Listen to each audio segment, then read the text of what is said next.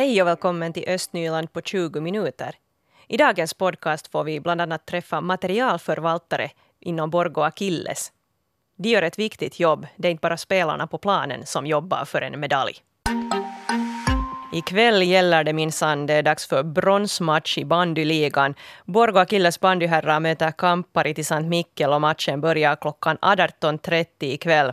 Och det var glada och koncentrerade miner som rådde för Akilles del igår under den sista träningen inför den här bronsmatchen.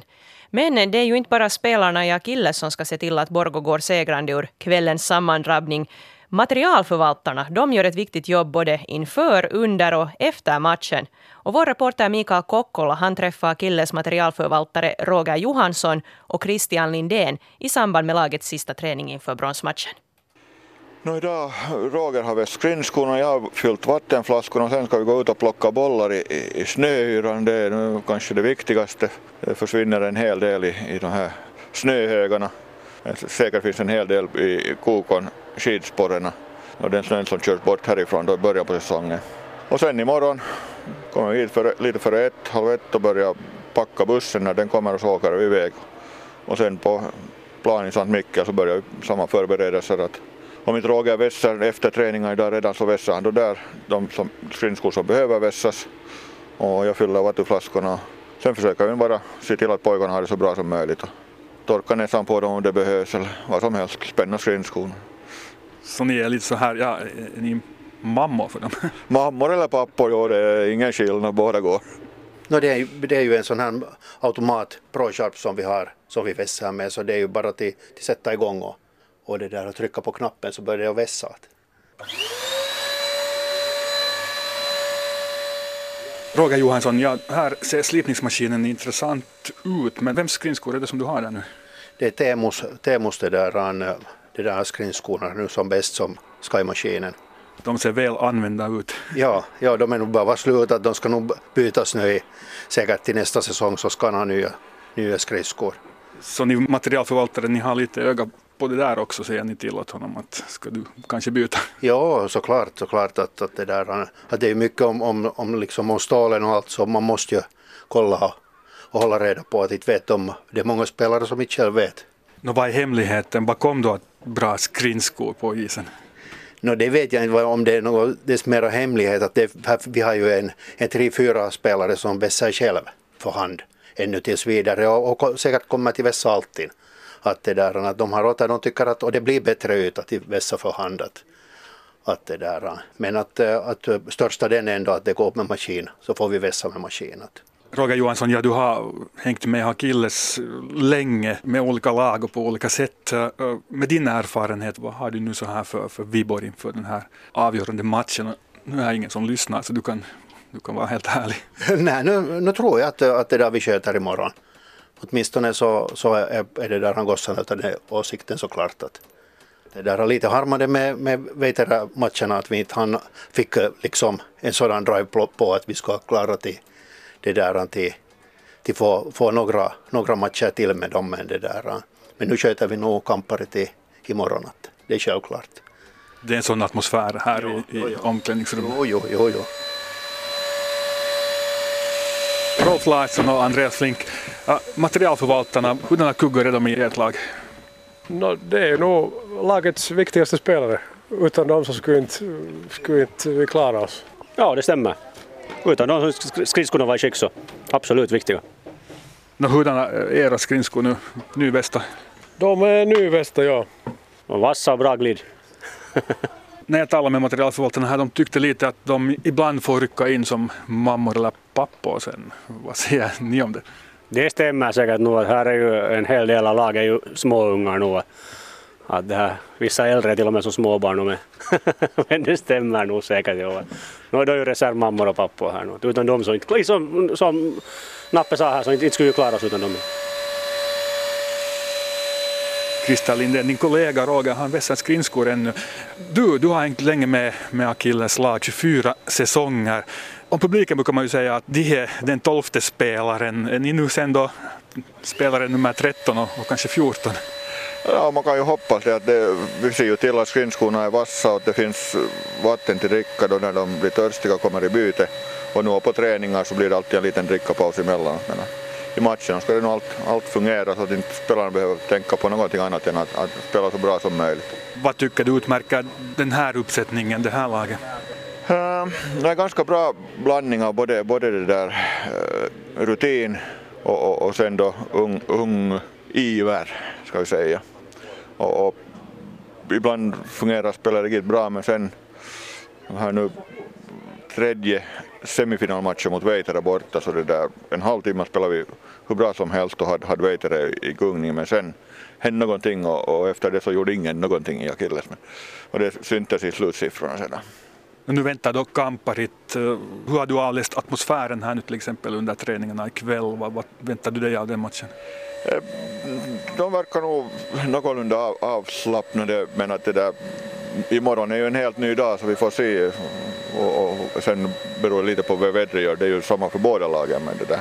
Vi har ju i år har vi nästan spelat bättre bort, på bortaplan än vi har gjort på hemmaplan tyvärr. Så där, hemmapubliken har inte fått njuta alla gånger av, av det där bästa spelet som vi har att erbjuda på. Men det där. De som kommer med till, till St. Mikkel imorgon så de hoppas få se på en jävla fin bandy.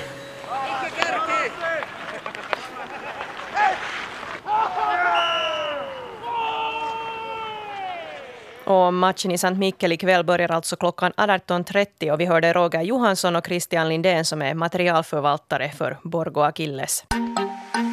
Ni kommer kanske ihåg att Borgo var med i två internationella projekt för en hållbar vardag som skulle hjälpa hushåll att minska på miljöbelastningen.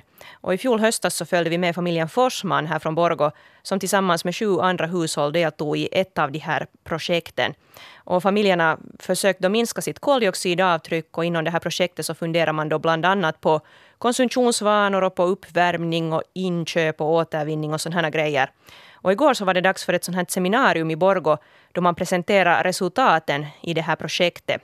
Och Jan Christian Forsman, som också jobbar som marknadsföringsplanerare vid Borgå stad, han var på plats där både i publiken och som medlem i en diskussionspanel. Och han är här nu i studion. Välkommen, Jan Christian.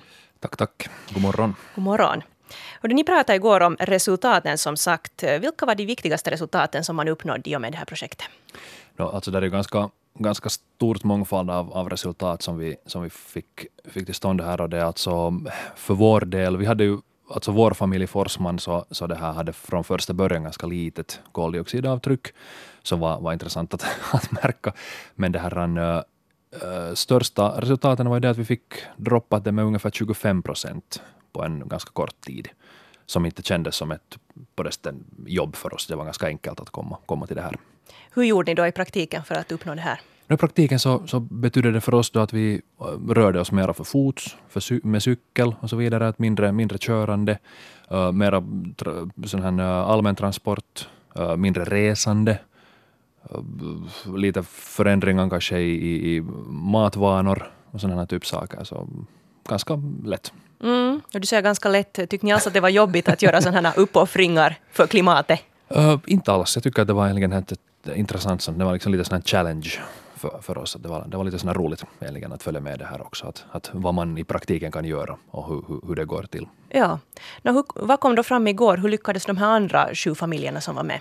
Uh, de lyckades väldigt bra. Att, uh, det var egentligen ganska drastiska förändringar där. Att, att uh, alla fick ju sänkt på sitt koldioxidavtryck. Att det, var, det var helt trevligt att se.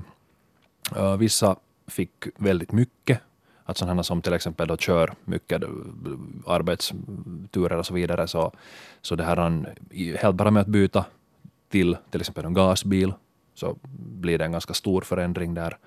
Så det, det var sådana här roligt att säga också då att okej, okay, att med gasbil så händer, händer det ganska stora saker i den här mm. kakan. No, upplever du att ni fick tillräckligt med stöd här under projektet via staden och så här?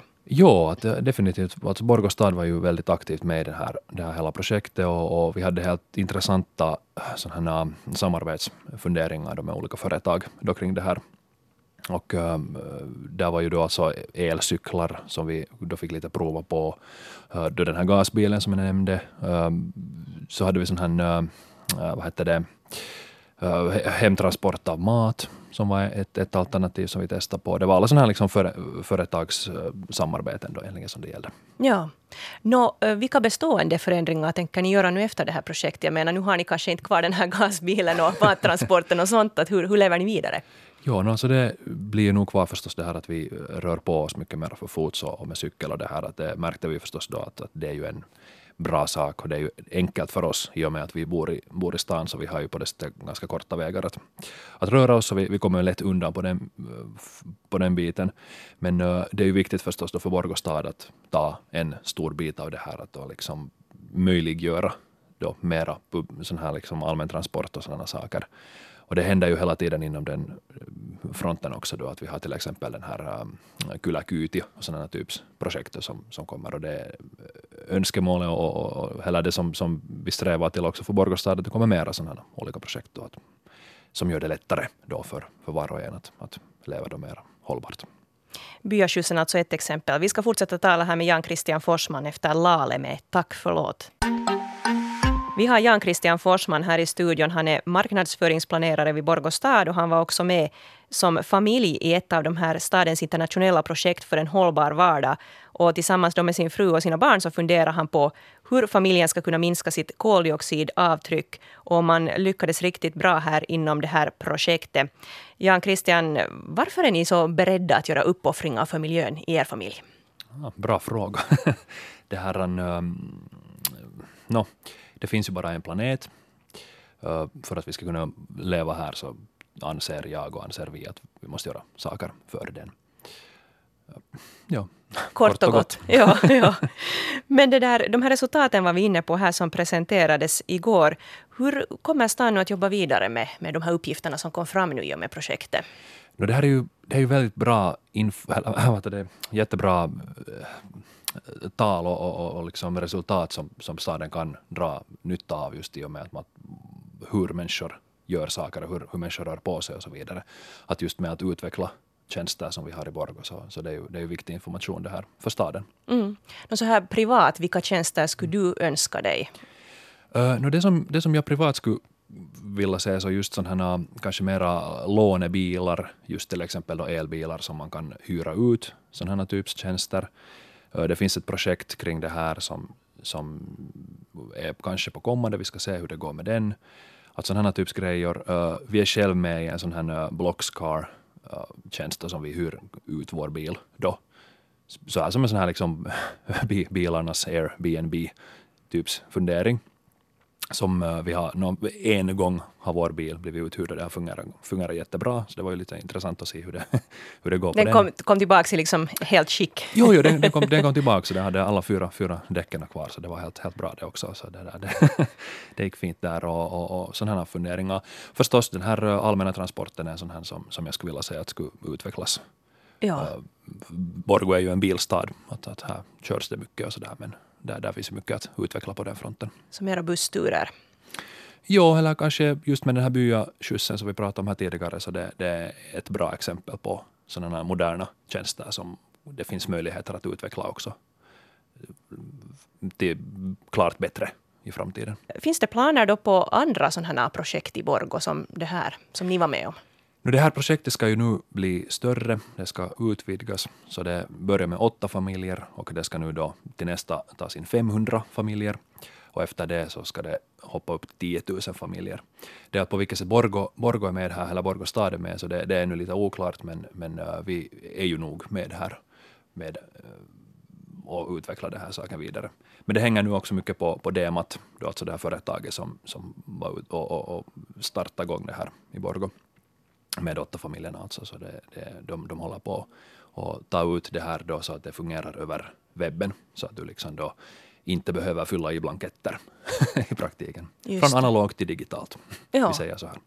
Så arbetet fortsätter. Ja. Tack ska du ha Jan Christian Forsman för att du kom hit idag. Tack så mycket.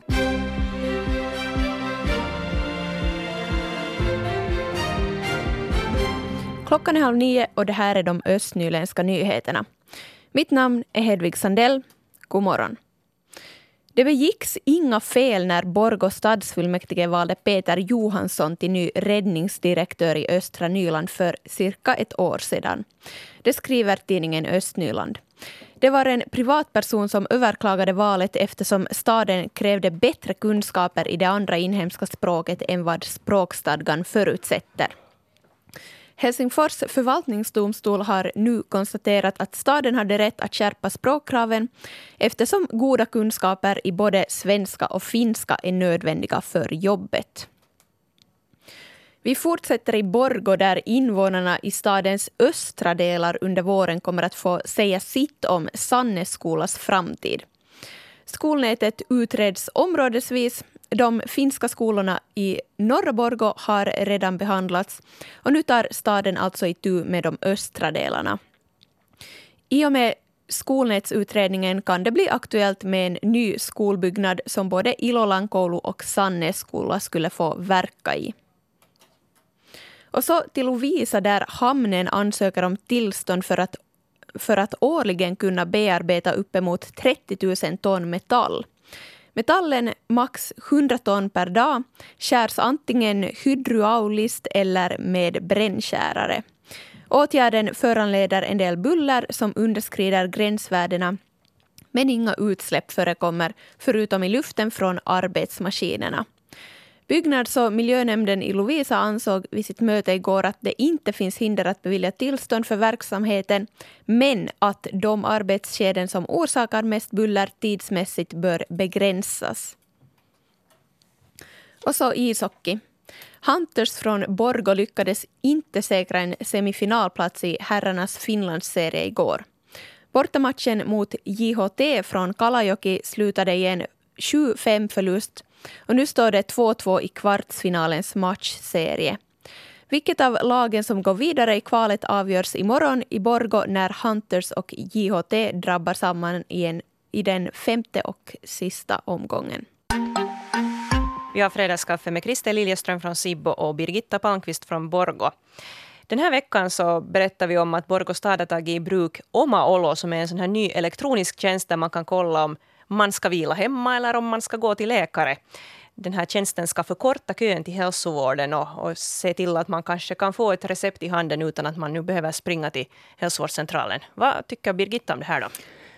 Jo, utan att ha erfarenheter av Oma Olo ännu själv, så det här, jo, jag tycker det är ganska bra. Man sitter ofta hemma så man känner sig sjuk och någonting och funderar på att ska jag nu till läkaren, ska jag inte? Så går jag till läkaren och så köar jag jättelänge och så säger läkaren gå hem, att inte var det något.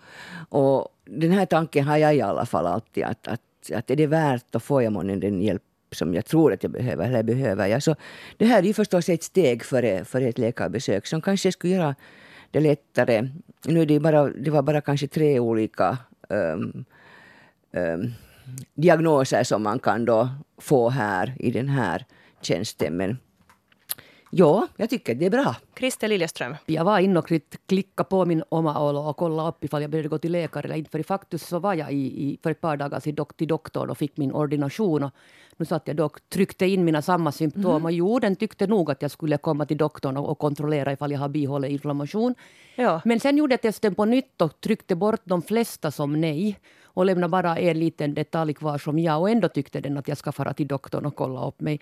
Så jag tror att den är ganska lätt övertalad om att du nog behöver ett doktorbesök. Att den, men den vågar väl inte heller annat. För jag menar, om, om du konstaterar mitt i allt att du har dött i hjärtattack hemma men du har kollat med oma olo att ska du fara till doktorn eller inte och den säger, att, den säger att du inte behöver utan vila lite och ta en burrana så, så kanske det är bättre då att, att, att det känns ja. spröt på den nivån. Men, men aj vad jag blev irriterad på att den är bara på finska. Ja, ja. Och aj det har andra blev, också blivit irriterade mm, på. Aj vad ja. jag blev irriterad på att man argumenterar med att man är 14 kommuner med i det här uh, programmet och alla tyckte inte det var lika viktigt. Så det svenska kommer nog sen under våren någon gång. Ja. Det är inte så här man bygger upp program som ska, som ska betjäna allmänheten och, och samhällena.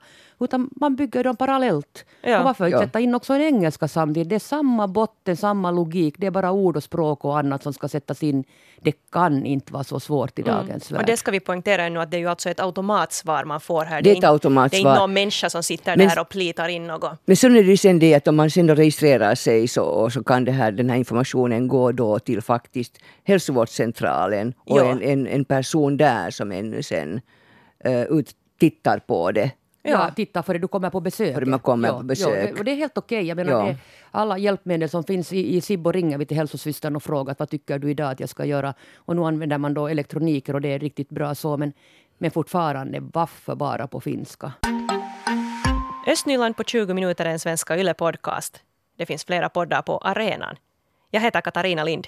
Tack så jättemycket för sällskapet. Ha ett skönt veckoslut. Vi hörs!